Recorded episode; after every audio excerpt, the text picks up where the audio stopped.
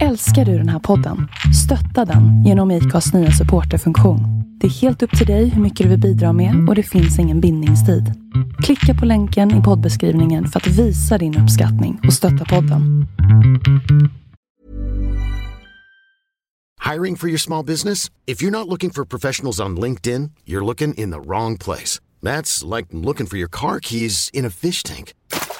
LinkedIn helps you hire professionals you can't find anywhere else, even those who aren't actively searching for a new job but might be open to the perfect role. In a given month, over 70% of LinkedIn users don't even visit other leading job sites. So start looking in the right place. With LinkedIn, you can hire professionals like a professional. Post your free job on linkedin.com slash achieve today. Hold up. What was that? Boring. No flavor. That was as bad as those leftovers you ate all week. Kiki Palmer here, and it's time to say hello to something fresh and guilt-free. Hello Fresh. Jazz up dinner with pecan-crusted chicken or garlic butter shrimp scampi. Now that's music to my mouth. Hello Fresh. Let's get this dinner party started. Discover all the delicious possibilities at hellofresh.com.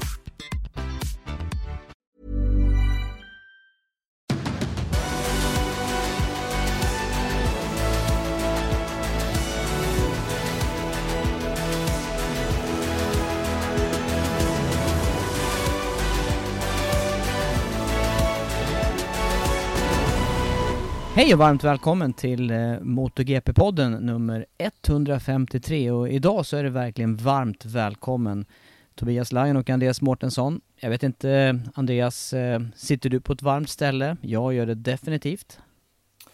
Eh, det gör jag verkligen kan jag säga. Semestern har börjat. Jag drog på semester direkt efter racet igår.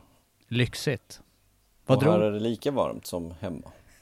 Jag har dragit mig undan i garaget, det är mitt eh, svalaste ställe just nu. Annars är det ju varmare i kåken än, än utomhus. Så det har varit över 30 grader på dagen idag. Så att eh, du kan vara glad att du är någon annanstans. Ja, skönt är det i vilket fall. Du, känns det efter racet då? Det var en intensiv dag. Alla klasser var hel, eh, hel intensiva tycker jag. Mm, det var det. Det var roliga race tycker jag allihopa. Ja, det, eh, Både ja, ja. Moto 3, Moto 2 och Moto GP blev bra till slut. Jag tycker det var, det var en rolig, rolig racedag igår på Assen.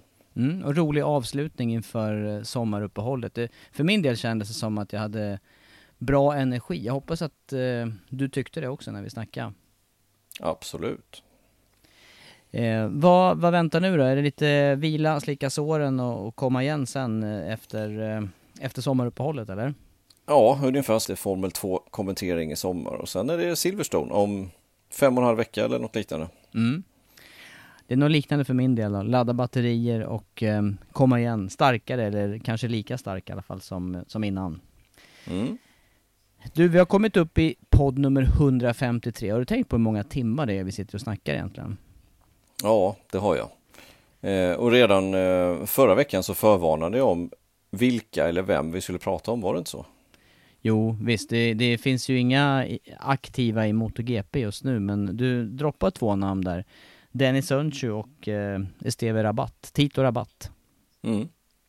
Så det blir väl de vi får ägna oss åt, den här eh, podd 153. Och annars, det har ju bara gått en eh, dag, drygt dygn sedan racet, så att eh, mycket kommer ju handla om plus och minus efter eh, MotoGP-racet på Assen, den elfte deltävlingen för säsongen annars. Yes. Låter det som ett vettigt upplägg? Jag tror det va? Ja.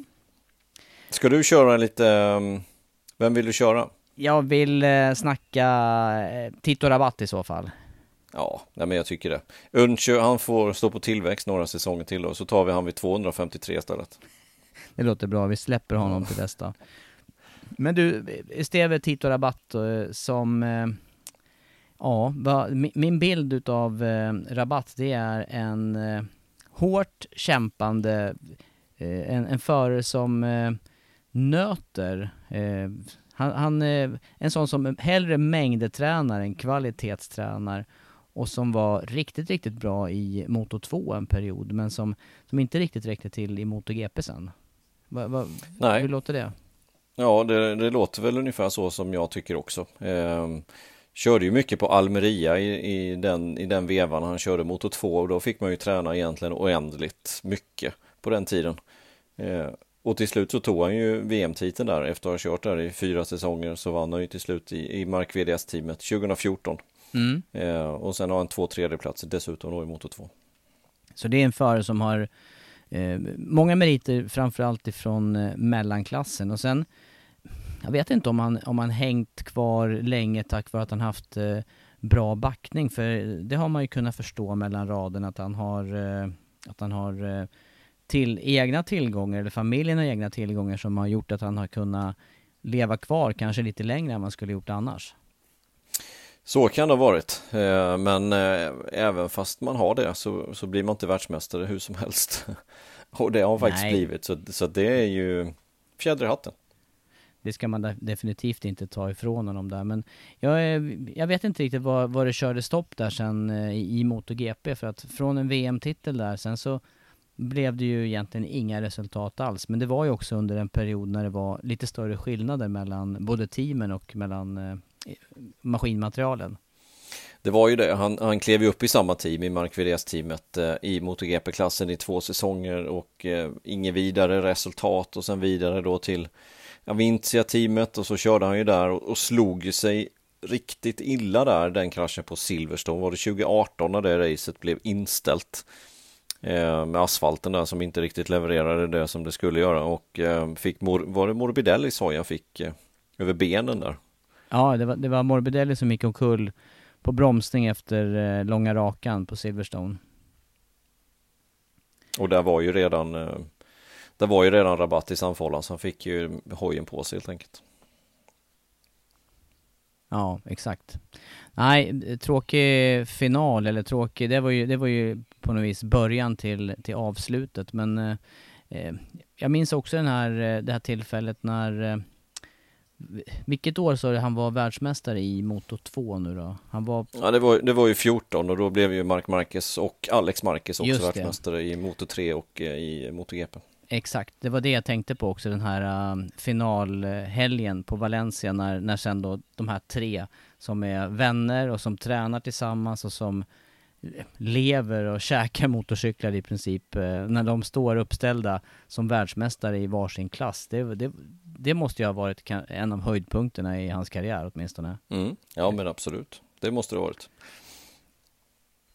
Men eh, som bestående, som, som bestående minne av världsmästare i eh, Moto 2 och sen eh, backa upp det med två tredjeplatser. Var, var någonstans hamnar han i, i ranking då om man säger så jämfört med andra förare i mästerskapen? Ja, det, det, är väl svårt att ranka, men han, rank, alltså han, han är ju trots allt världsmästare i Moto 2 och det är klart att de andra som har varit världsmästare i Moto 2 i omkring de åren så att säga när han var världsmästare. Jag tänker 15 och 16 till exempel. Då var ju Johan Sarko världsmästare i Moto 2. Han kör MotoGP idag. 2013 så har jag för mig att det var Paul Espargaro som blev världsmästare i Moto 2. Han är också i MotoGP idag så att de som är runt omkring och tog titlar omkring det året där han tog sin titel har ju kommit lite längre i sin karriär. Men, och, och vad det beror riktigt på, jag, jag, tror du var inne på det i början, att han är en hårt arbetande förare men kanske saknar den sista talangen. Det kanske är så, det är, det är ungefär så jag känner också och tror. Eh, så att, eh, ja, han, eh, han har haft en lång karriär och eh, lämnar, ja, ett, han lämnar inte någon större bestående minne hos mig. Men eh, i vilket fall en, en positiv och eh, positiv kraft åtminstone. Man är alltid, alltid glad och leende och verkar inte ut och sett vara några problem utan jobba på. Ja, och vi såg honom i depån i, eh, i Barcelona senast vi var on-site. Ja, stämmer, stämmer. Svårt att släppa den här världen helt och hållet verkar det som. Japp. Du, eh, vi släpper också Örnskö sa du till, eh, till om 100 avsnitt. Ska vi gå vidare nu med, med Assen och det som är verkligen hård eh, valuta för tillfället? Jag, tyck, jag tycker det, jag tycker mm. det. För det var, det var händelserik gårdag. Ja, jättehändelserikt och eh, den stora händelsen i eh, racet, det var ju det här som hände i början mellan eh, VM-ledande Fabio Quartararo och Aleix Espargar och visst måste vi ändå placera dem på, på två halvor om vi nu snackar plus och minus i våran uppställning eller summering? Ja, e- exakt. Vad ska vi börja med tycker du? Ska vi börja med eh, med plus eller minus? Ja, det är svårt där. Vi kanske börjar med plus så vi känner att vi får lite positiv energi. Ja, okej. Okay. Ja, men, men ska jag ta första plusset då? Och ta här har det ju varit lätt. Här har det varit lätt att säga Leif Sparger givetvis för att han gjorde ju kanske årets race. Han gjorde definitivt eh, årets eh, omkörning i sista, sista sväng var det ju inte riktigt, men det var ju in i sista chikanen. Eh, men jag, jag säger ändå Aprilia här, för Vinales ska vi inte glömma bort i det här som alltså tar sin första pallplats på ett år. Senaste pallplatsen det var ju just på Assen med Yamaha. Sista racet han kom i mål i var det väl med Yamaha. Sen körde han ju det här racet på Red Ring men det bröt han ju på sista varvet. Så att första pallplatsen på ett helt år för Vinales och nu, nu, är, han, nu är han där igen. Mm. Ja. Eh, och, och, det trodde man kanske inte riktigt för ett år sedan när han betedde sig och gjorde som han gjorde. Skrev på för Aprilia och var lite tveksam i sin eh, ska man säga, i, i, sin fart inledningsvis. Det såg bra ut på testerna men sen så från Aragon när han gjorde sin premiär där förra säsongen så var det lite tveksam fart men som sagt, nu var han 1,2 sekunder efter Banjaya som vann racet och första pallplatsen. Mm. Ja, jätteroligt att se för att, eh, att, det, att han är en förartalang, det råder ju ingen tvivel. Men, men just de här tveksamma besluten eller tveksamma beteenden som han har haft eh, och, och, det som hans avslutning hos Yamaha, det blev ju, det blev ju inget bra där och, och jag var också ett tag orolig, som du säger, inför, både inför och efter han har kommit igång med bytet till, till Aprilia, om han överhuvudtaget ska nå rätt fart och, och matcha Leicester Spargar. Och, men vi såg det ordentligt på Sachsenring, sen blev det tekniska problem och nu det här racet eh, så ja, då var han ju verkligen med ända in till mål som du säger. Och i och för sig på hans favorit, kanske absoluta favoritbana då. Ja, i och för sig då, men, men det spelar ingen roll och sen hade han ju lite, jag ska inte säga tur, men men eh, Miller såg ju riktigt, riktigt vass ut och var nog lite snabbare där i slutet på racet. Men han gjorde ett misstag när han skulle ta sig förbi Vinales och eh, tappade sen ner till sjätte till slut då. Ja, men, eh, men Aprilia har ju verkligen gjort sin läxa här, eh, som du säger. Och får man då eh, Får man båda förarna på pallen samma säsong, jättebra. De har bara två cyklar för närvarande, ska utöka till två ytterligare nästa säsong i RNF-teamet. Eh, riktigt ljus eh, och stark period för, för märket. Och jag tror att eh, Vinales kan dras med vidare efter de här två racehelgerna, de två senaste. Mm. Ja, men det, det tror jag också.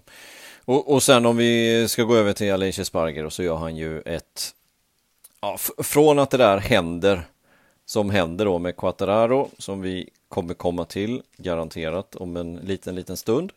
Eh, detta hände alltså på det fjärde varvet, ut på det femte varvet. När Quattararo helt enkelt eh, drar med eh, Alicia Sparger i fallet, men då låg Alicia Sparger på en andra plats. Vid den passagen ut på det varvet där de kraschade, då låg alltså Espargaro 0,4 sekunder efter Banjaya i det läget. Ja. Varvet efter, när de passerade, så passerade Alicia Espargaro 8,5 sekunder efter. Sen tappar han faktiskt lite till där, varven som följer där. Han sänker det till 8,0 på varv 6. På varv 7 så är det 8,6 fortsatt. På varv 8 så är det 8,8 sekunder. På varv 9 så är det fortsatt 8,8 sekunder, nästan 8,9 sekunder. Sen börjar hämtningen och till slut då i mål så blir det 2,6 sekunder efter Banjaya. Och då låg han alltså på en femtonde plats när det här inträffade. Han kom ut på banan igen och till slut så blir han ju då fyra i mål. Och 2,5 sekunder kanske inte är riktigt rättvist egentligen för Banjaya slår ju av väldigt mycket sista varvet men om vi tar näst sista varvet då, då är han 4,1 sekunder efter. I vilket fall då så tar han in alltså 4,7 sekunder på de här varven med alla de här omkörningarna. Ja, det, det, riktigt, och, riktigt bra. Ja, det är riktigt bra. Och det, som du säger här, det är ju nästan, det är inte en, det är inte en full, det är inte fullt en halv sekund per varv, men eh, någonstans 0,4, någonstans mellan 0,4 och en halv sekund per varv. Eh, och eh, det i trafik och med omkörningar. Eh, ja, det var jätte, jättestark körning. Jag håller helt med dig där. Ja, och, och tittar man på första sektortiden också från varv 4 då, så kör han 30,6. Och sen på varv 5 när han blev avtryckt där så körde han, körde han 38,0. Det är alltså 7,4 sekunder som han tappade på. Man tappade på det här eh, incidenten helt enkelt. Så. Och, nej, den här körningen, jag vill säga att det är bättre än Markers körning i, i Texas till exempel. Och vad, vad baserar du det på då? Nej men, där höll ju Mar alltså Marcus körde ju kapp mycket tid där också, men här var det ju här var det med så många omkörningar och sen kanske lite jag ska inte säga oväntat, men, men lite åt det hållet ändå. Att han skulle vara så vass här, Alicia Sparger. Och, och sen så gör ju givetvis sista sista omkörningen som man gör på, på Binder och på Miller in i chikanen på sista varvet. Det bidrar ju också till att det blir årets körning än så länge. Ja, jag håller med dig. Det var, det var en helt eh, fantastiskt välavvägd omkörning där när han dessutom då går om båda två i samma moment. Men det här att han, att han hämtar sig också, för han var ju trots allt det var, ju, det var ju flera saker i samma skede där när Quattararo ska ta sig om honom in i kurva 5. Han, eh, han, han hör ju och, och märker på något vis hur Quattararo är där och, och lyfter upp cykeln och ger plats och det räcker ändå inte när Quattararo... Eh, när, han går omkull i sin attack. Eh, och så lyckas han hålla sig upprätt och ut och vänder i gruset där. Det är många sådana moment som, eh, som skulle kunna göra att han eh, tappar ännu mer tid eller är överladdad och gör ett misstag under resten av racet också. Mm, ja men det är det. Och, och, det gör han inte utan håll, han håller ändå ihop det och vi pratade om det under racet där att frågan är hur mycket han ska egentligen satsa här för han har ju för varje position så är det, det är någon poäng varje position tills han kommer till ja, femma då till fyra till exempel. Då är det två poängs förbättring och sen är det ju tre poäng då om man har blivit trea. Så att det är ganska lite egentligen att tjäna. Det är klart att från 15 så är det mycket att tjäna, men om man har blivit sjua eller fyra, det är inte så stor skillnad däremellan. Nej. Poängmässigt med, med tanke på vilken risk det kan innebära. Men vad får han för, eh, vad tror du att han får för meddelanden eller för signaler ifrån depån under racet? Och, vad, och är det han själv som gör hela jobbet eller blir han matchad, coachad utav eh, ifrån depåväggen där? Ja, nej, jag, jag, tror att han gör jobbet själv helt enkelt. Jag vet inte riktigt vad det skulle hjälpa eller vad han skulle bli coachad med egentligen utan det är nog, det är nog han själv helt enkelt. Jag, jag tänker in i min situation vet jag inte riktigt om jag skulle bli hjälpt av någon signal där utan det är bara framåt som gäller. Ja, det är otroligt starkt kört i alla fall och det visar också hur stark både Aprilian, hur stark eh, Alicia Sparger är i stunden och eh, med, med facit i hand här nu så blir ju det här resultatet och de poängen han tar in, de hade han ju inte kunnat ta in om inte Quattararo hade gått omkull i det här läget. Nej, troligtvis inte. Nej, troligtvis inte. De låg ju snarare i, i slag, eller hade ju sannolikt slagit som eh, pallplatser de här tre, Banjaya, Quattararo och eh, Alicia Sparger annars. Ja, ja. Men eh, Aprilia definitivt på, på frammarsch i det här och, och stort plus för dem alltså. Men, men eh, om vi då tar ett annat märke på minussidan, ska vi gå över på minussidan tycker Andreas? Ja men vi gör det, vi gör det. Och då är det ju, då tycker jag ju att eh, Yamaha, det nämnde vi också redan i sändning under gårdagen här, eh, med eh, krasch då för Quartararo med krasch för Binder och dessutom krasch för Morbidelli och var hamnar Dovizioso? Han hamnar ju riktigt långt ner, även han. Ja, 16 det blir han. Han blir ju precis utanför poängen så det, det speglar ju nästan Hondas resultat från Sachsenring. Vilket var Hondas sämsta Hondas sämsta race sedan 1982 när de bojkottade ett race och, och, och här blir det alltså Yamahas sämsta race sedan 1989. Det är ju helt otroligt egentligen att det sker racen efter varandra. Vad beror det här på för Yamahas del? Vi kan ju räkna bort eh, Quartararo så länge, men, men rent allmänt det här, uh, den här kräftgången eller de här problemen som eh, uh, RNF-teamet har med Yamaha och uh, dessutom då Morbidelli som fabriksförare. Ja, att, att det går lite risigt för uh, RNF-teamet, det, det är inte speciellt oväntat ändå. Eh, inte så som det har sett ut under den här säsongen vill jag säga här. För, för Binder kommer direkt från Moto 3. Jag tycker ändå han har gjort det bra. Jag ska inte lasta honom för någonting egentligen, men Dovizioso har ju verkligen inte kunnat ställa om ifrån Ducati-tiden till Yamahan här och det är väl inte heller så jätteoväntat. Han är trots allt lite till åren nu, Dovizioso, och får det inte att stämma helt enkelt. Det som är, det som är mest anmärkningsvärt i det här, det är ju Morbidellis kräftgång.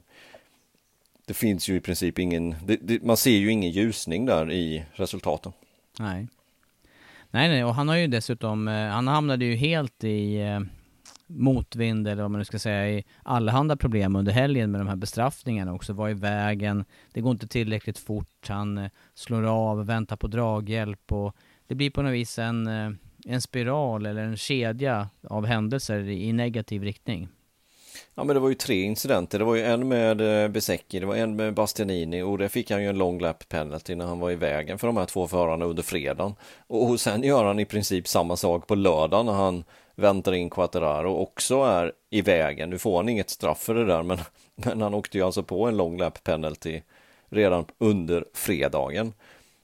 Och sen under racet, då missar han att ta den här long lap penalty. Så han får en till och sen går han dessutom omkull. Så att Ja, det kan knappast gå mycket sämre. Han gick ju också omkull från ja, han låg ju näst sist i och med att Quattararo hade rest upp då från sin krasch. Han låg ju sista Quattararo, men han låg alltså 23 och näst sist Morbidelli när han kraschade. Mm. Nej, inte bra. Det var ju samma läge också under träningarna där när han försökte följa Quartararo vid något tillfälle och tappade successivt och sen går han av efter det. Så att det är liksom, det är två minus i, i ett skede där, inte kunna följa sin teamkollega överhuvudtaget och, och dessutom krascha i försöken att göra det. Ja, och, och jag får frågan hela tiden vad, vad beror det på att inte, Quattro, eller att inte Morbidelli kan leverera och jag, jag vet faktiskt inte. Jag, vad jag kan läsa mig till så, så finns det ingen information varför det går så pass dåligt. Han verkar hålla det väldigt inom sig själv eller åtminstone inte utåt sett inom teamet säkerligen. De vet säkert vad problemet är men, men, det, men vi får inte reda på vad det är för någonting som inte fungerar utan det går bara helt enkelt väldigt dåligt. Och så jag kan inte jag kan inte bedöma om det är det är klart att det ligger hos honom i och med att Quattararo presterar men vad det är som Quattararo gör annorlunda det vi har hört under året är ju att Dovizioso uttalat sig några gånger att Quattararo kör på ett speciellt sätt som inte åtminstone Dovizioso har en chans att köra. Och eh, om det är något liknande för Morbidelli, det, det är väl troligt. Men då är det också konstigt att Morbidelli presterade som han gjorde för två år sedan och blev tvåa i VM. Ja, det är det jag tänker på också, hur han, eh, hur, hur väl han var med och hur han utmanade Quattararo och var framförallt jämn under säsongen. Det var ju som du säger bara ett par år sedan som vi berömde Yamaha och förarna för att de presterade så jämna resultat. Både fabriksteamet och även då Petronas-teamet. Mm. Ja men exakt. Nej, det har på något vis gått i baklås. Det, det känns mer som eh, du säger att det sitter mellan öronen på, på Morbidelli än att det är helt och hållet Yamahas problem. Men, men eh, det förklarar ju inte fullt ut Dovizioso och Binders resultat faktiskt.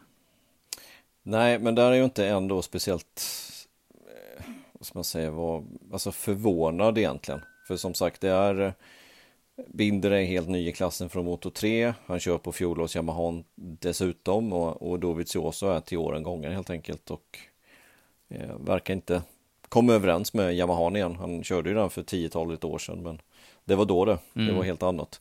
Någonting återigen om vi går tillbaka till Morbidelli som, som kan förklara saker och ting, det, det är ju att han var borta större delen av förra året med en knäskada. Och att bortevaron har gjort att han tappade farten helt enkelt och ja, tappade stingen på något sätt med jamman. Det är, det är dit jag, det är den förklaringen jag kan ge här och nu. Mm. Ja, vi kanske inte kommer längre med den illustrationer. Men, men eh, som sagt var, Yamaha den här racehelgen ungefär lika illa som eh, Honda var på Sachsenring.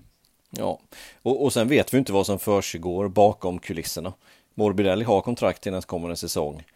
Men alla snackar ju om Toprak Raskatlioglu hela tiden. Att ska inte han ersätta och det dementeras ju både från Yamahas håll, både från Kenan Sofoglos håll. Även fast då Toprak provkörde Yamaha här nu bara för någon vecka sedan så fortsatt så dementeras det.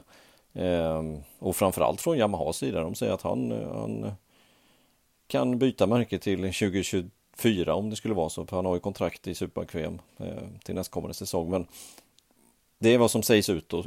Sägs det något annat internt? Bra fråga. Jag har ju dock svårt att tro att de skulle flytta på Morbidelli för återigen, Morbidellis manager är Valentino Rossi. Valentino Rossi som Yamaha gärna vill samar fortsätta samarbeta med. De gör det i Moto 2. De vill garanterat ta in Rossi som satellitteam i Yamaha till 2024. Lin Jarvis och, och Rossi är kompisar. Jag har svårt att se att de skulle sparka Morbidelli. Det är möjligtvis att Rossi och Jarvis tillsammans med Morbidelli kom överens om att det är dags att, att kliva av styrningen. Något annat tror jag inte är aktuellt. Nej. Nej, det låter rimligt eh, det du säger kring, kring eh, Morbidelli och hans framtid då, men, men eh, det hjälper inte nuläget där. Det är alltså Yamahas sämsta racehelg sedan 1989 och vad var det jämförelsen där med Honda? Deras sämsta racehelg, den var ända bak till 1982 ja, 82, var det va? 82 tror jag det var ja. Mm. Precis, när de bojkottade något race och innan dess så var det väl ja, något år tidigare och då var det Anderstorp helt enkelt. De mm. inte heller tog poäng. Jewelry isn't a gift you give just once. It's a way to remind your loved one of a beautiful moment every time they see it. Blue Nile can help you find the gift that says how you feel and says it beautifully with expert guidance and a wide assortment of jewelry of the highest quality at the best price. Go to BlueNile.com and experience the convenience of shopping Blue Nile, the original online jeweler since 1999. That's BlueNile.com to find the perfect jewelry gift for any occasion. BlueNile.com. I'm Sandra, and I'm just the professional your small business was looking for. But you didn't hire me because you didn't use LinkedIn jobs. LinkedIn has professionals you can't find anywhere else, including those who aren't actively looking for a new job but might be open to the perfect role, like me. In a given month, over 70% of LinkedIn users don't visit other leading job sites. So if you're not looking on LinkedIn, you'll miss out on great candidates like Sandra. Start hiring professionals like a professional. Post your free job on linkedin.com/achieve today. Hey, it's Danny Pellegrino from Everything Iconic. Ready to upgrade your style game without blowing your budget? Check out Quince. They've got all the good stuff, shirts and polos, activewear and fine leather goods all at 50 to 80% less than other high-end brands. And the best part? They're all about safe, ethical, and responsible manufacturing. Get that luxury vibe without the luxury price tag. Hit up quince.com slash upgrade for free shipping and 365-day returns on your next order. That's quince.com slash upgrade. Nej. Men då om man ska utveckla det här snacket på minussidan då. Eh, Quartararo Han gör ju en eh, manöver här mot Aleix Espargaro som eh, eh, nu vet vi eh, kommer att generera en bestraffning till Silverstone och det där blir ju intressant. Vad, vad blir din analys av händelseförloppet här? Jag tyckte ändå att vi såg och, och snackade en hel del om det med sändning men har du tänkt om eller tänkt till någonting efter, efter racet? Ska vi riva av plåstret alltså? För det är väl det som de flesta som lyssnar på den här podden vill lyssna på. Jag tänker det. det, är det. Det är där den, en av de stora snackisarna åtminstone efter det här racet har handlat om. Så ja. är det just att, eh, att Quattararo, dels så gör han ett väldigt ovanligt misstag för att vara Quattararo. Ja. Det är det första. Det händer, jag vet inte om det har hänt någon gång att han drar omkull eller ens har kontakt med en annan förare som får åka ut i samfållen. Jag tror inte det. Eh, och det här är ju första nollan för Quattararo också den här säsongen. Ja. Eh, så ett väldigt, väldigt ovanligt misstag som han gör. Mm. Men, men det han gör är helt enkelt att han ser att Banjaya håller på att bygga upp en liten lucka. Och vi fick åka med Quattararo strax innan här, inte bara in i kurva 1, 2, 3 som vi då och sen vidare in, för vi åkte ju faktiskt med ombordkamera på Quattararo när de kraschade, utan jag såg även ut i chikanen eh, och där hade han inte mycket att hämta Quattararo i drivet ut ur svängarna. Utan där var det svårt för han att ta sig förbi Alicia Spargaro. Och detta in i kurva 5, det var nästan det enda stället som vad jag såg i alla fall på de här fyra varven som kördes, det var ju inte speciellt långt gånget helt enkelt. Men, men det var nog kurva 5 där han hade bästa tillfället att köra om. Så, så uppfattar jag det som. Mm. Jo, jag, jag tyckte också att det såg ut så. Det, det i sin tur kan ju ha gjort honom eh, stressad, både att se hur Banjaya håller på att bygga upp en eh, ledning. Vi diskuterade innan racet där om Quartararo och Banjaya. Vi, vi längtar efter att se en, eh, en fight dem emellan, men hur mycket kommer Banjaya satsa i en sån, eller förlåt, hur mycket kommer Quartararo satsa i en sån fight? Men jag tyckte ändå att vi såg i racet att, eh, att han eh, kändes stressad, Quartararo, över att befinna sig där han var, bakom Aleix Espargaro. Ja, för de senaste två racen när han, när han har vunnit så, så har han ju tagit starten. Det, det var ju skillnaden här att han, han eh, visst var han in i för, först in i första sväng men gick brett. Ja, han var bland de flesta och gick brett åtminstone in i, i första svängen och tappade helt enkelt eh, positioner på det och var inte i täten efter första varvet. Nej, precis. Och, och, och så när han kommer fram till kurva 5 det här varvet när han ska göra omkörningen han är inte tillräckligt nära i det läget. Det är i alla fall inte min, min, min, bedömning att han är något snäpp för långt bak. Vi ser ju det tydligt i alla fall när han, eh, ja, han, kommer både långt bakifrån och han kommer också mycket brantare in i den svängen än vad man borde göra. Ja, exakt så. Han, eh, han byggde upp farten på utsidan genom kurva 2, 3 och 4 och, och, redan där så hade han bestämt sig för att jag ska gå på insidan där i kurva 5. Eh, och den där svängen är en sån där sväng som det finns några sådana på kalendern som har man bestämt sig för att göra en omkörning då går det inte att backa ur. Och den här omkörningen gick inte att backa ur när han väl hade bestämt sig. Utan det fick bära eller brista, helt enkelt. Och det han gör är att han, han är inte tillräckligt... Ja, förlåt, säg. Nej, men han, han, är inte tillräckligt nära för att göra den här attacken som han gör. Utan han gör den från lite för långt bakifrån helt enkelt. Han hade några för många cykellängder fram till Elisha Sparger. Här måste man klistra bakhjulet nästan på den framför för att kunna göra en sån här attack. Eh, och Alicia Sparger då försöker ge utrymme, men det, det räcker helt enkelt inte och till slut så går ju Quattararo omkull på eget misstag. Innan de har ens haft kontakt så går ju han omkull på ett framhjulslopp. Mm. Men eh, nej, jag, jag håller med dig där Andreas med eh, just eh, att han, han skulle behövt vara närmare och så är det väldigt, väldigt kort tid på sig att bestämma sig från nedlägg höger ut i kurva 4 tills man ska dyka på insidan i kurva 5. Och eh, han hade behövt vara lite mer eh, haft lite mer tålamod och invänta kanske något varv eller två längre fram om man hade varit, varit i bättre läge. Exakt så. så. Så tror jag också. Hade han legat där bakom något varv så nära som han gjorde där, då hade han kunnat se vad Aleix Sparger gjorde och vilket spår han har och hur fort han kör där och planerat omkörningen lite bättre.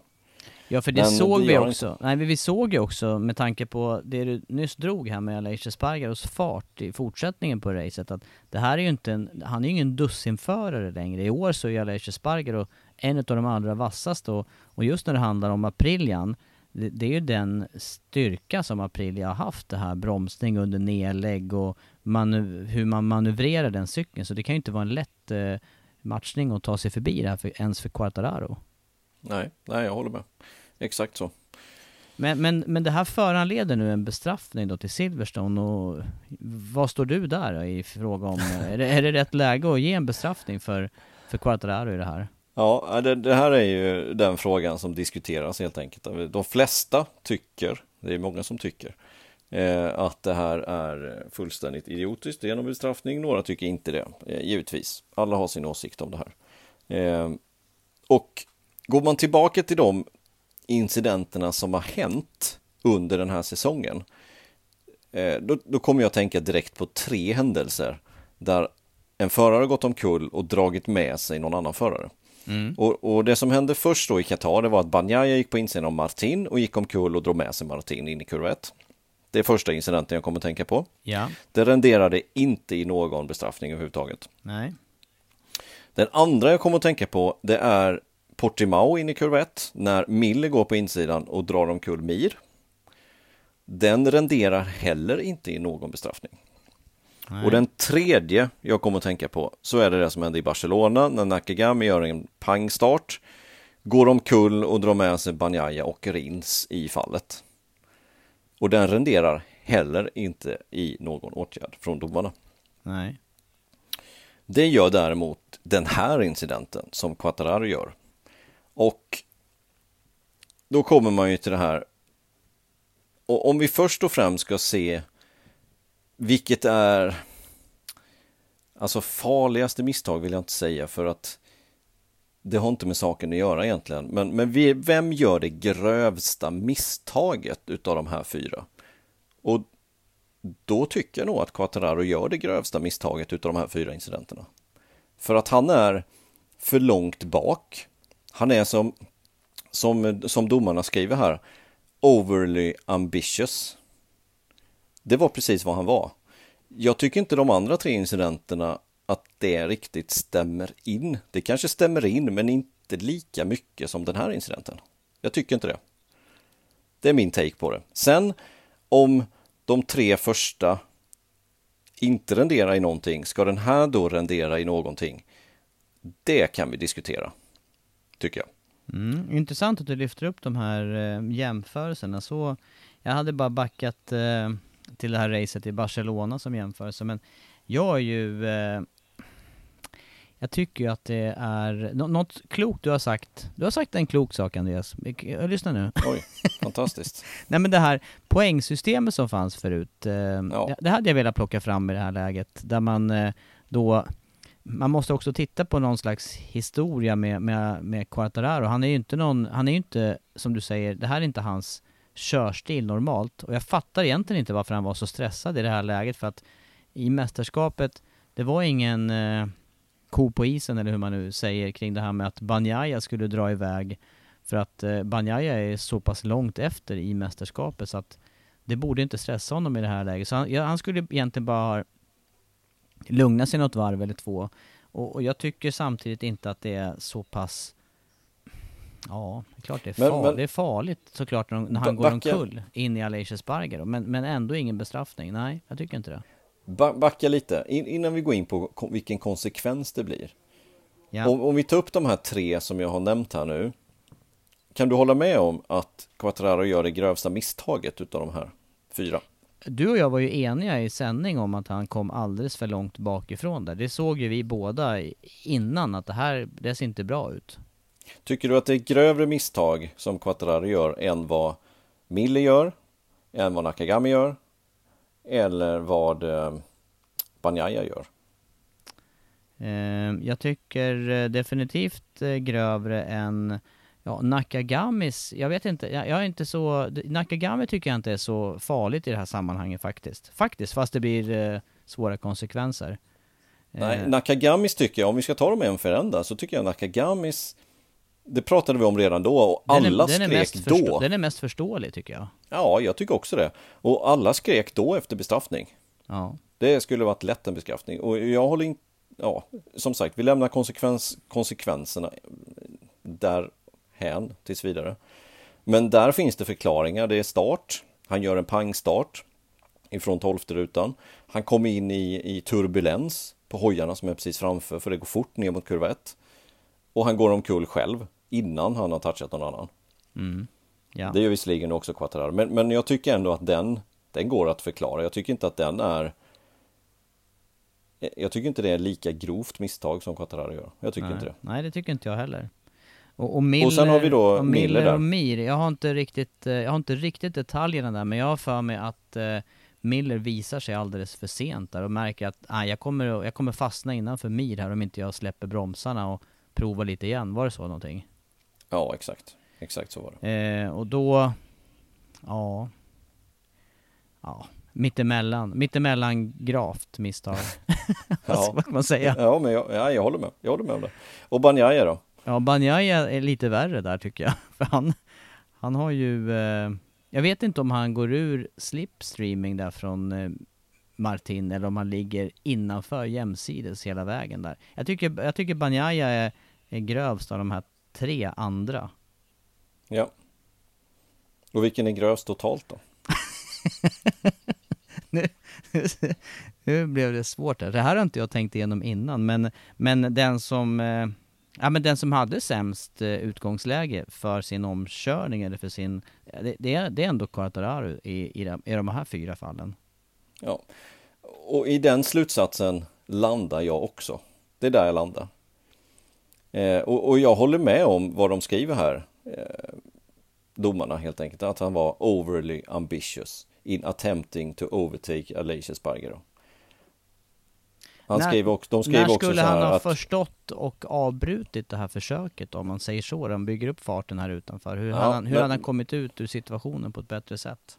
Jag ska läsa klart vad de säger här. Ja, ja, ja. Och, då, och då, då, skriver de så här. Quattararo was not in a position to successfully complete the move and crashed, causing contact with Alicia Spargaro, Espargaro and forcing him to run wide. Så mm. skriver de. Ja.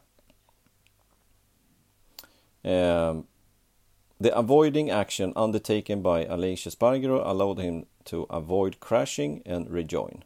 Nevertheless, his race was severely impacted. Så skriver de. Mm. Och att han då har fått en long penalty. Uh, och jag, jag håller med i det. Sen så kanske jag inte håller med om bestraffningen. Utan där är jag fortfarande inne, jag kommer inte släppa det här. Och det har du redan dratt upp det här. Det hade varit perfekt nu att ha det här poängsystemet på plats. Där, nej men hur nu skalan ska vara, inte vet jag, men, men fem poäng så ger det start från sista ruta. Och, och ge honom tre poäng för det här till exempel. Och ge de andra för de andra sakerna som vi har nämnt här, de andra tre krascherna, två poäng till exempel då. Mm. Om man nu ska ranka det på något sätt. Ja. Det vill säga att då hade han inte fått något straff till nästa race i det här läget. För det vet jag inte om jag håller med om riktigt. Men, men i vilket fall så håller jag med om att jag tycker att det här var allvarliga, allvarligare misstag ifrån Quattararo än från de andra tre. Mm. I den slutsatsen landar jag på något sätt. Ja, jag eh, är benägen att, att hålla med här. Det är det benägen. Men, men vi, ju... jag, vi drog ju ungefär samma sak här faktiskt, utan, ja, att, utan men... att ha snackat ihop oss innan. Men sen är ju som sagt, vad, vad ska vara skiljelinjen då?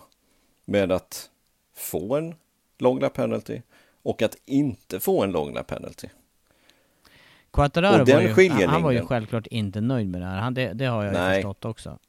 Ja, men, men skiljelinjen, var, var, går den någonstans? För att om den inte går på det som de andra, ja men säg det som Miller och Banjaya har gjort under säsongen, men den går vid den här. Då är det väldigt svårt att veta var gränsen går någonstans. Mm. Faktiskt, för, för de, de påminner väldigt mycket om varandra. Men ja, de, de sätter sig i en, en tokig position här, domarna. Om de ska bestraffa någonting sånt här, för det kommer givetvis inte hämta i den svängen på exakt samma sätt nästa gång. Utan nu kommer vi till en annan bana och då ska de bedöma det i den svängen istället. Så att de har satt sig i en knepig situation framöver när de har bestraffat den här men inte de andra tre. Mm. Men tillägga ska att det här poängsystemet finns ju inte. Så, det, så det, det, har funnits. Men som sagt, det togs bort efter 2015 med incidenten med, med Rossi och Marquez. Och då ville man ha en mer direkt bestraffning istället för det här poängsystemet som i det läget kostade att Rossi skulle starta sist i Valencia. Ja, just det. Eh, så, så domarna kan ju inte heller utdela någon sån här poäng, utan det de skulle kunna gjort är ju att släppa det givetvis. Men, ja. Mm. Svårt. Ja, det är svårt. Jag tycker det är svårt. Jag det tycker är det är svårt. Och jag... Jag, jag... tycker nog att jag landar i, med, med aktuellt reglemente så tycker jag att de skulle nog inte ha bestraffat honom. Det tycker jag inte. Ehm, men då hamnar man också i ett konstigt läge. Alltså det vad ska vara tillåtet och vad ska inte vara tillåtet och hur mycket ska man få racea varandra och hur mycket ska man ha kontakt och hur mycket ska man få förstöra en annans förares race innan det blir bestraffat och så vidare. Men samtidigt vill ju det, det, här är ju, det här vet ju du och jag att ingen, inklusive Quartararo eller Banjaya eller Miller eller Nakagami, ingen av dem vill ju gå omkull själva. De sabbar ju sina egna race också i det här. Så att ja, ja. Det, det, är en missbedömning som man gör i den här, i det här skeendet och stunden. Eh, och den, eh, men, men, det går ju också... Den enda som, den enda som ville det var Capirossi 98 eller ja, 97 precis, eller det var. precis. Vinna eller försvinna ungefär. Ja. Han satt av eh, Harada. Ja. Ja, ja det, var, det var ju, den, den hade ju definitivt varit en, en dubbel långlapp i det här fallet. ja. Den hade stuckit ut. Nej men jag tycker att också Quartararo, det som är skillnad också i den här svängen som vi snackar om nu, kurva 5, det är att det går ju med eh, MotoGP-mått väldigt långsamt här eh, jämfört med de andra. Det, det, betyder att han har ju egentligen lite mer, på ett sätt har han lite mer tid att agera och tänka och ställa om här i kurva 4 när han märker att han är några cykellängder bakom. Han borde ju ha bedömt rimligheten i det här eller bedömt det orimliga i det redan innan. Ja, ja men, men det gjorde han inte och, och eh, han är i en väldigt bra form just nu, Quattararo. Han är lite... Nej men han, han, han är i riktigt bra form helt enkelt. Alltså han, han svävar lite på molnen. Ja, ja. Om man nu får så uttrycka det så. De två raka segrar och mästerskapsledning. Han vann VM förra året. Och, och, i det läget så kan man känna sig ganska ostoppbar. Han hade, och, och, han hade inte försökt det här annars? Nej, jag tror inte det. Jag tror han hade bedömt det på ett annat sätt och det, det, det kostade ju honom själv väldigt mycket.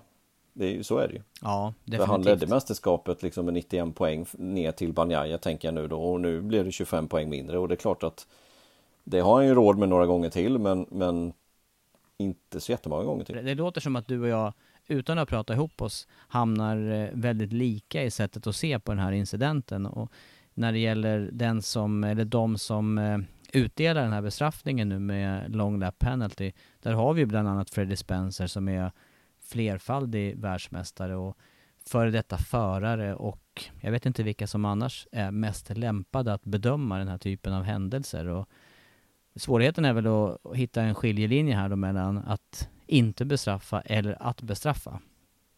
Ja, exakt. Och, och där tror jag de behöver eh, ha lite tydligare regler helt enkelt och lite tydligare linjer vad det är som gäller. För det verkar inte som att förarna riktigt vet det heller, vilket gör att Spencer bland annat tillsammans med sina två kollegor får väldigt, väldigt mycket kritik. Eh, och, och, dessutom då så, så har de inte den här förklarande modellen. Nu började de ha det förra racet faktiskt. Där de beskriver vad som händer och varför de får en bestraffning och så vidare. Men det känns ändå som att de här skiljelinjerna inte är helt givna för förarna. Eh, och, och, det är ju någonting som är flytande lite. Det är ju någonting som har utvecklats. Det här sådana här incidenter hade hänt för tio år sedan så hade ingen, ja, ingen brytt sig. Nej. Och, och frågan är ju vilken, vilken nivå man vill ha helt enkelt. Mm. Ehm, och, och det tror jag de måste snarast komma fram till vad, vad, vad som ska gälla. Det jag är överens med domarna och Spencer om det är ju just det att den här är lite värre än de andra. Mm. Ja. Och sen det, vill det är man jag faktiskt helt överens med om. Ja, och sen vill man ju i grunden stävja farlig körning, men där är ju inte Quartararo i... Det här är ju inte ett vanligt läge för hans del. Jag tror precis som du också att hans eh, dagsform eller form på säsongen spelar in i det här. För att eh, det, det, här är inte en omkörning som Morbidelli skulle gett sig på i det här läget till exempel. Ens om det handlade om 21 till 20 plats, så skulle han ha väntat något varv till. Ja, för, att han, för han är inte där i huvudet. Nej. Eh, men Quartararo trodde det skulle vara möjligt i det här fallet och ja, gick på pumpen i det, här, i det läget. Ja, ja men, men någonting måste ju eh, på något sätt förtydligas tycker jag. Eh, nu har det varit några incidenter, de har inte förklarat varför. Några förare tycker ju att domarna är alldeles för slappa. Som efter, Banjaya var ju oerhört kritisk, Rins var oerhört kritisk att inte Nakigami blev bestraffad efter Barcelona. Mm. Eh, och nu är det tvärtom. Nu tycker alla varför blir Quattararo bestraffad i det här och alla tycker, nu, jag har inte hört just Banjaya och Rins i det här läget men, men det är ju vad som sägs utåt att det här skulle verkligen inte bestraffas överhuvudtaget. Men då, då är ju vissa förare och vissa som håller på med den här sporten på en nivå medan domarna är på en helt annan nivå. Och och tänker annorlunda. De måste ju på något sätt synka ihop sig. Vad är det som gäller? Mm. Och det kanske man skulle använda de här eh, säkerhetskommissionsmötena till då och sätta upp några olika case eller några olika scenarier och, och ha alla förare med och, och, diskutera fram vad ska vi, vad ska vi sätta ribban och hur ska den, eh, hur ska man efterleva det? Då kanske man kommer fram till de här eh, poängbestraffningarna istället då som ändå kan vara lite graderade innan man får den, den fulla bestraffningen under ett race. Ja, ja men jag, jag tycker det. Jag tycker också det. Och, och, helt enkelt förklara de här sakerna. De renderar inte i det här på grund av det här. Och så fortsätter man tills de, alla kommer ju inte vara överens givetvis. Det är ju så det fungerar i den här sporten. Alla ser ju till sitt eget hus först. Men sen är det ju så också att domaren, så måste det ju vara även i andra sporter tänker jag, som har domare där domare eh, dömer inte likadant hela tiden. Det finns ju ingen eh, eh det är inget måttband eller någon klocka som styr den här bedömningen utan det är ju någon slags känsla i, i grunden också. Samtidigt som det finns ett reglement att förhålla sig till när det, eller, eller säkerhetstänk att förhålla sig till. Ja, exakt. Ja, nej. Någonting, någonting som jag inte gillar dock, återigen, precis som Rins gjorde. Han gav domarna en rejäl känga på sociala medier. Precis samma sak gjorde Quattararo idag. Det blir inte eh, bra. Nej, det, det, gillar jag inte och ja, jag tror att det ligger farozon att han kan ryka på en ytterligare bestraffning faktiskt. För det han skrev idag. Ja men så är det ju fotboll. Protesterar du mot ett gult kort, plötsligt har du ju ett rött kort där. Ja, ja jo, jo visst nu gör han ju det efter racet på sociala medier. Ja, jo jo. Men, eh, men det visar ju också att man inte ska respektera de som eh, dömer i det här fallet. Och då, det blir, jag tycker inte heller att det, det, det, det, blir, det drar ner eh, betyget för Quartararo i det här fallet. Ja, eh, vi får se vad som händer där. Eh, som sagt, det står inne i reglementet hur man ska bete sig helt enkelt. Eh, att man inte får uttrycka sig på ett visst sätt utan man får helt enkelt bete sig. Mm. Även om man tycker att det här är fel och det kan alltså, det står här public statements och comments to the media till exempel.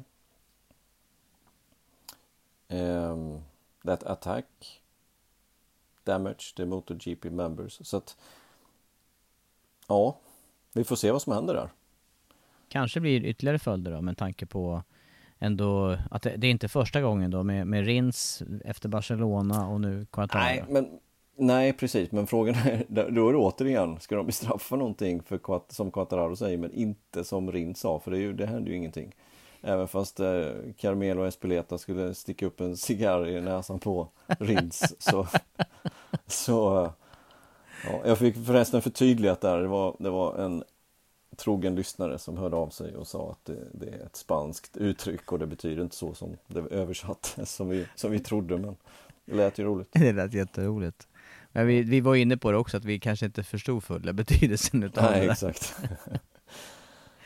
Men ja. eh, nej, vi får, eh, vi får se helt, helt enkelt. Det är några veckor. Det, diskussionen kanske går vidare om eh, den här bestraffningen. Ja, ja. Sen, sen det sista vi vill det är ju att, att förarna ska bli rädda och köra om varandra på grund av en bestraffning och att vi får färre omkörningar. Det vill vi inte heller givetvis. Nej, precis. Och, och... och det fick vi se många, vi fick se mycket omkörningar nu. Vi fick se ett race som eh, ja, det, det infriade mina förväntningar och förhoppningar på racet på Assen helt enkelt. Ja, ja. Vi kan, vi kan ta vad Quattararo sa här, en ganska lång harang, men han skrev Well, a long lap for the next race. Now you cannot try and overtake because they think you are too ambitious.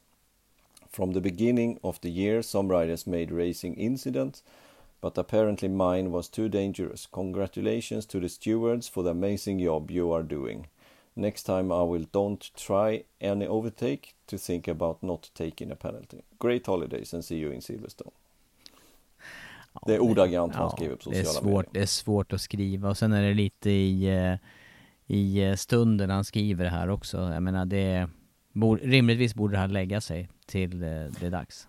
Ja, jag tror inte att det kommer bli någonting men, men jag tror också att de kommer ta förarna i örat lite inofficiellt att håll inte på med sånt här. Nej. För nästa gång, då får det följder. För, för det här är inte så jättekul att läsa för någon egentligen. Nej, nej. Tycker jag. Absolut och det bara inte. spär på föraktet till domarna. Mm. Ja, ska vi släppa den här frågan med minussidan och, och lyfta över lite mot eh, plus istället Andreas?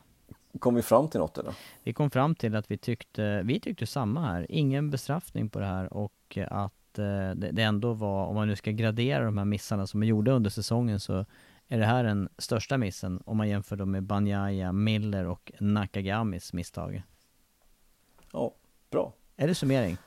Ja, det var en bra summering.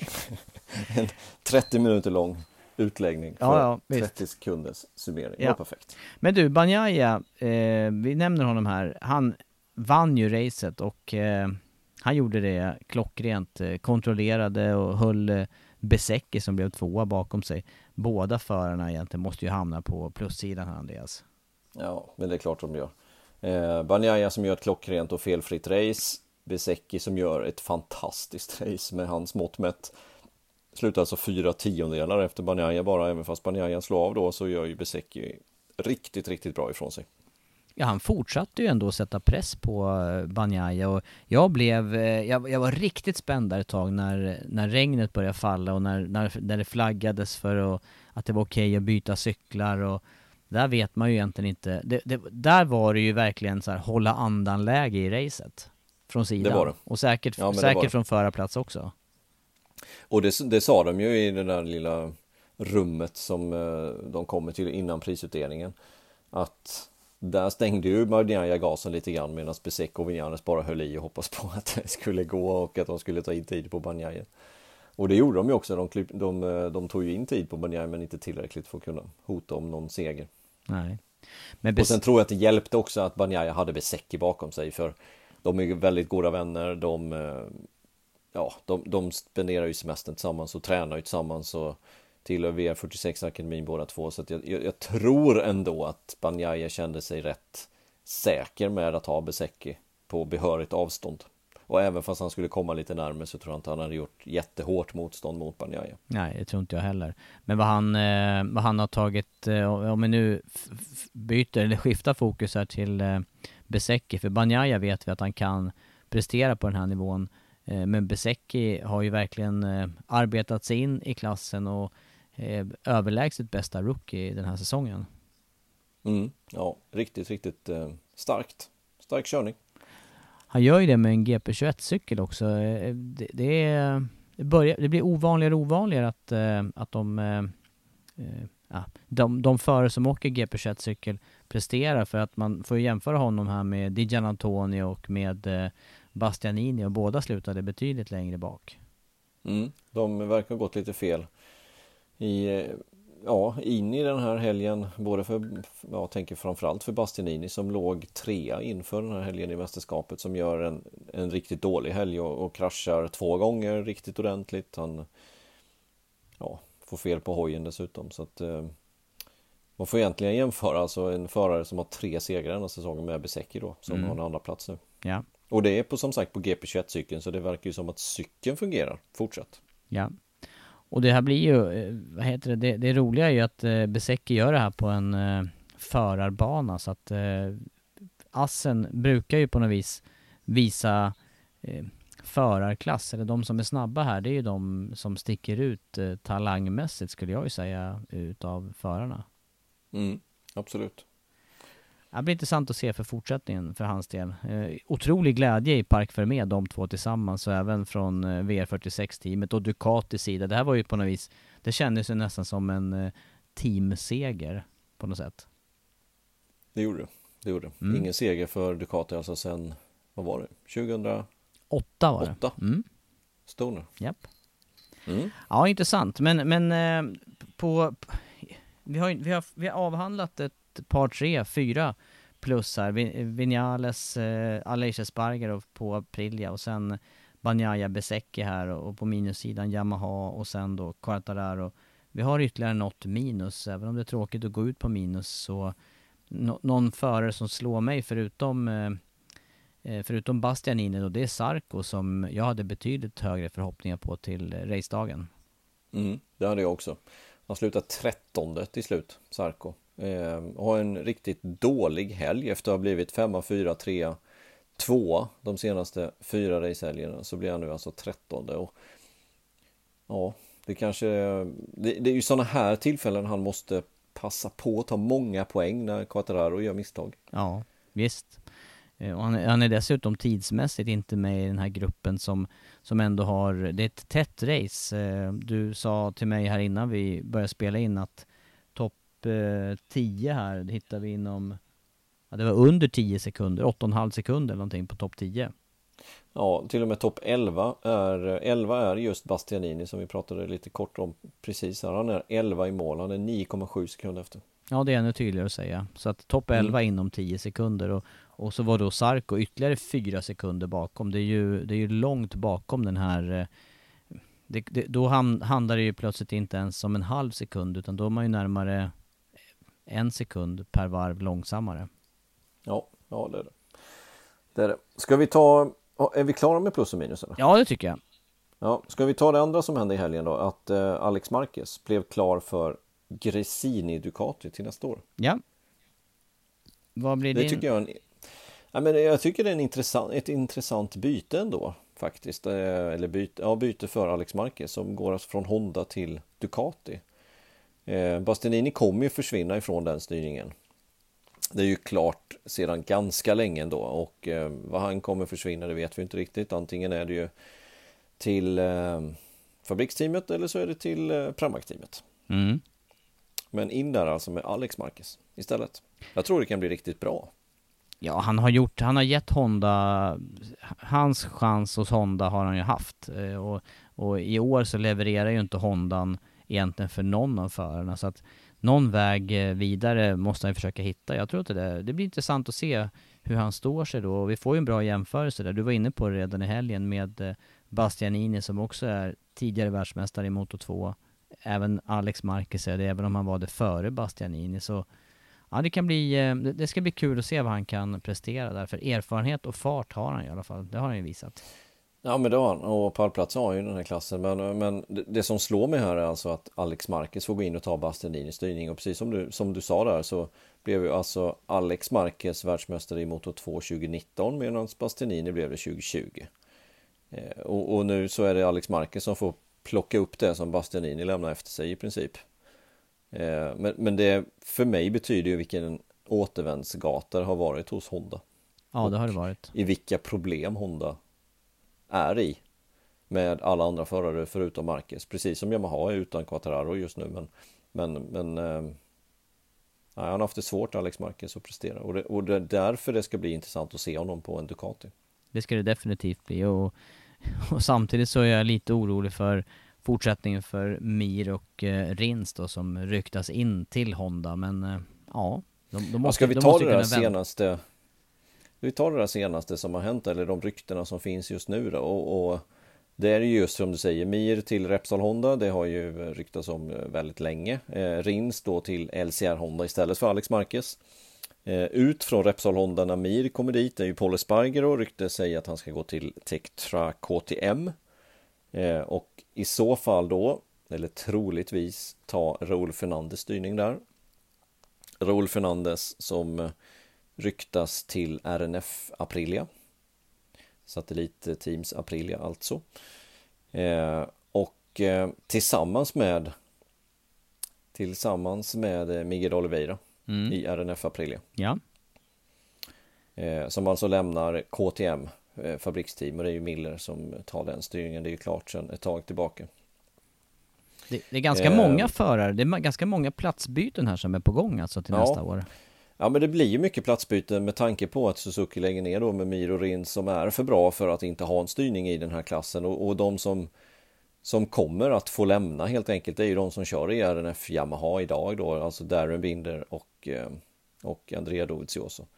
Eh, Binder ryktas eh, till Moto 2, en klass som han inte har kört helt enkelt utan troligtvis kommer köra nästa säsong och Dovi tror jag karriären är över efter detta. Mm. Ja, jag är inne på samma där. Eh, och, och Darren Binder ska ju ha riktigt tur om han lyckas eh, hänga kvar i MotoGP efter säsongen, men ja, vi vet inte ännu. Nej, men, men troligtvis så kommer han få gå till motor 2. Så, så att förutom det här då, så det som inte riktigt är klart det är ju, eh, det är ju Nakagami styrning. Om eh, Ayogura är redo för att ta steget upp till MotoGP så kommer nog att Nakagami ryka i så fall. Mm. Eh, och så in med Ayogura där och vad Naka, Nakagami kan ta vägen, det vet jag faktiskt inte. Tveksamt Nej, sen, om det finns sen, plats för honom någonstans. Nej, och sen har vi alla Ducati-styrningar som ska fördelas, eller eh, det är inte alla, ja. men det är, det är, ett par som ska bestämmas i alla fall. Och det är framförallt den som ska åka bredvid eh, eh Banjaya där i fabriksteamet. Ja, ja men det är ju det. Antingen Bastianini eller Martin då till, till fabriksteamet. Sarko eh, med största sannolikhet så blir han kvar i, i Pramac. Mm. Eh, så att Bastianini eller Martin och eh, ja, det har vi ju pratat om i Vända podd här men jag står fast vid att jag tycker Martin. Eh, men vi får se. Kanske klarnar det här under sommaren, så det finns ju anledning för oss att eh, dra ihop lite ämnen och snacka om under sommaren. Eller vad säger du Andreas? Vi ska inte, vi ska inte pausa poddandet nu fast det är semester. Nej, ska vi inte försöka hålla igång? Jag har läst någonstans att eh, man lyssnar som mest på poddar, det gör man på semestern på sommaren. Så varför inte? Nej, och det kan ju också vara läge då tycker jag att fylla på med lite frågor som vi kan eh, kanske gå in lite mer på djupet kring när, eh, när det nu är ledigt. Kanske man kan ligga och fnula i sin hängmatta på, på idéer och, och funderingar att eh, utveckla från, eh, från vårt håll. Mm. Absolut, skicka in frågor om ni har det till oss. Instagram är en bra väg att nå oss eller mejl eller eh, ja, det går alltid att få kontakt med oss känner jag på något sätt. Mm. Så skicka in frågor. Jag har faktiskt några som ligger och, eh, och vilar sig i form här. Några frågor som vi ska ta upp här när vi har lite gott om tid. Ja, jättebra. Ska vi återgå till sommarsysslorna nu då? Nu kanske det är drägligt att ta sig ut igen. Ja, klockan är 22.00 måndag kväll. Så vet alla vilken tid vi spelar in. Ifall det händer något dramatiskt de närmsta timmarna som vi missar. Precis. Bra Andreas, då har vi inget nytt race att flagga för än utan eh, till våra lyssnare då så får vi eh, flagga för att vi är tillbaka inom eh, kort igen med ytterligare en podd och så ha en, en god sommar så länge.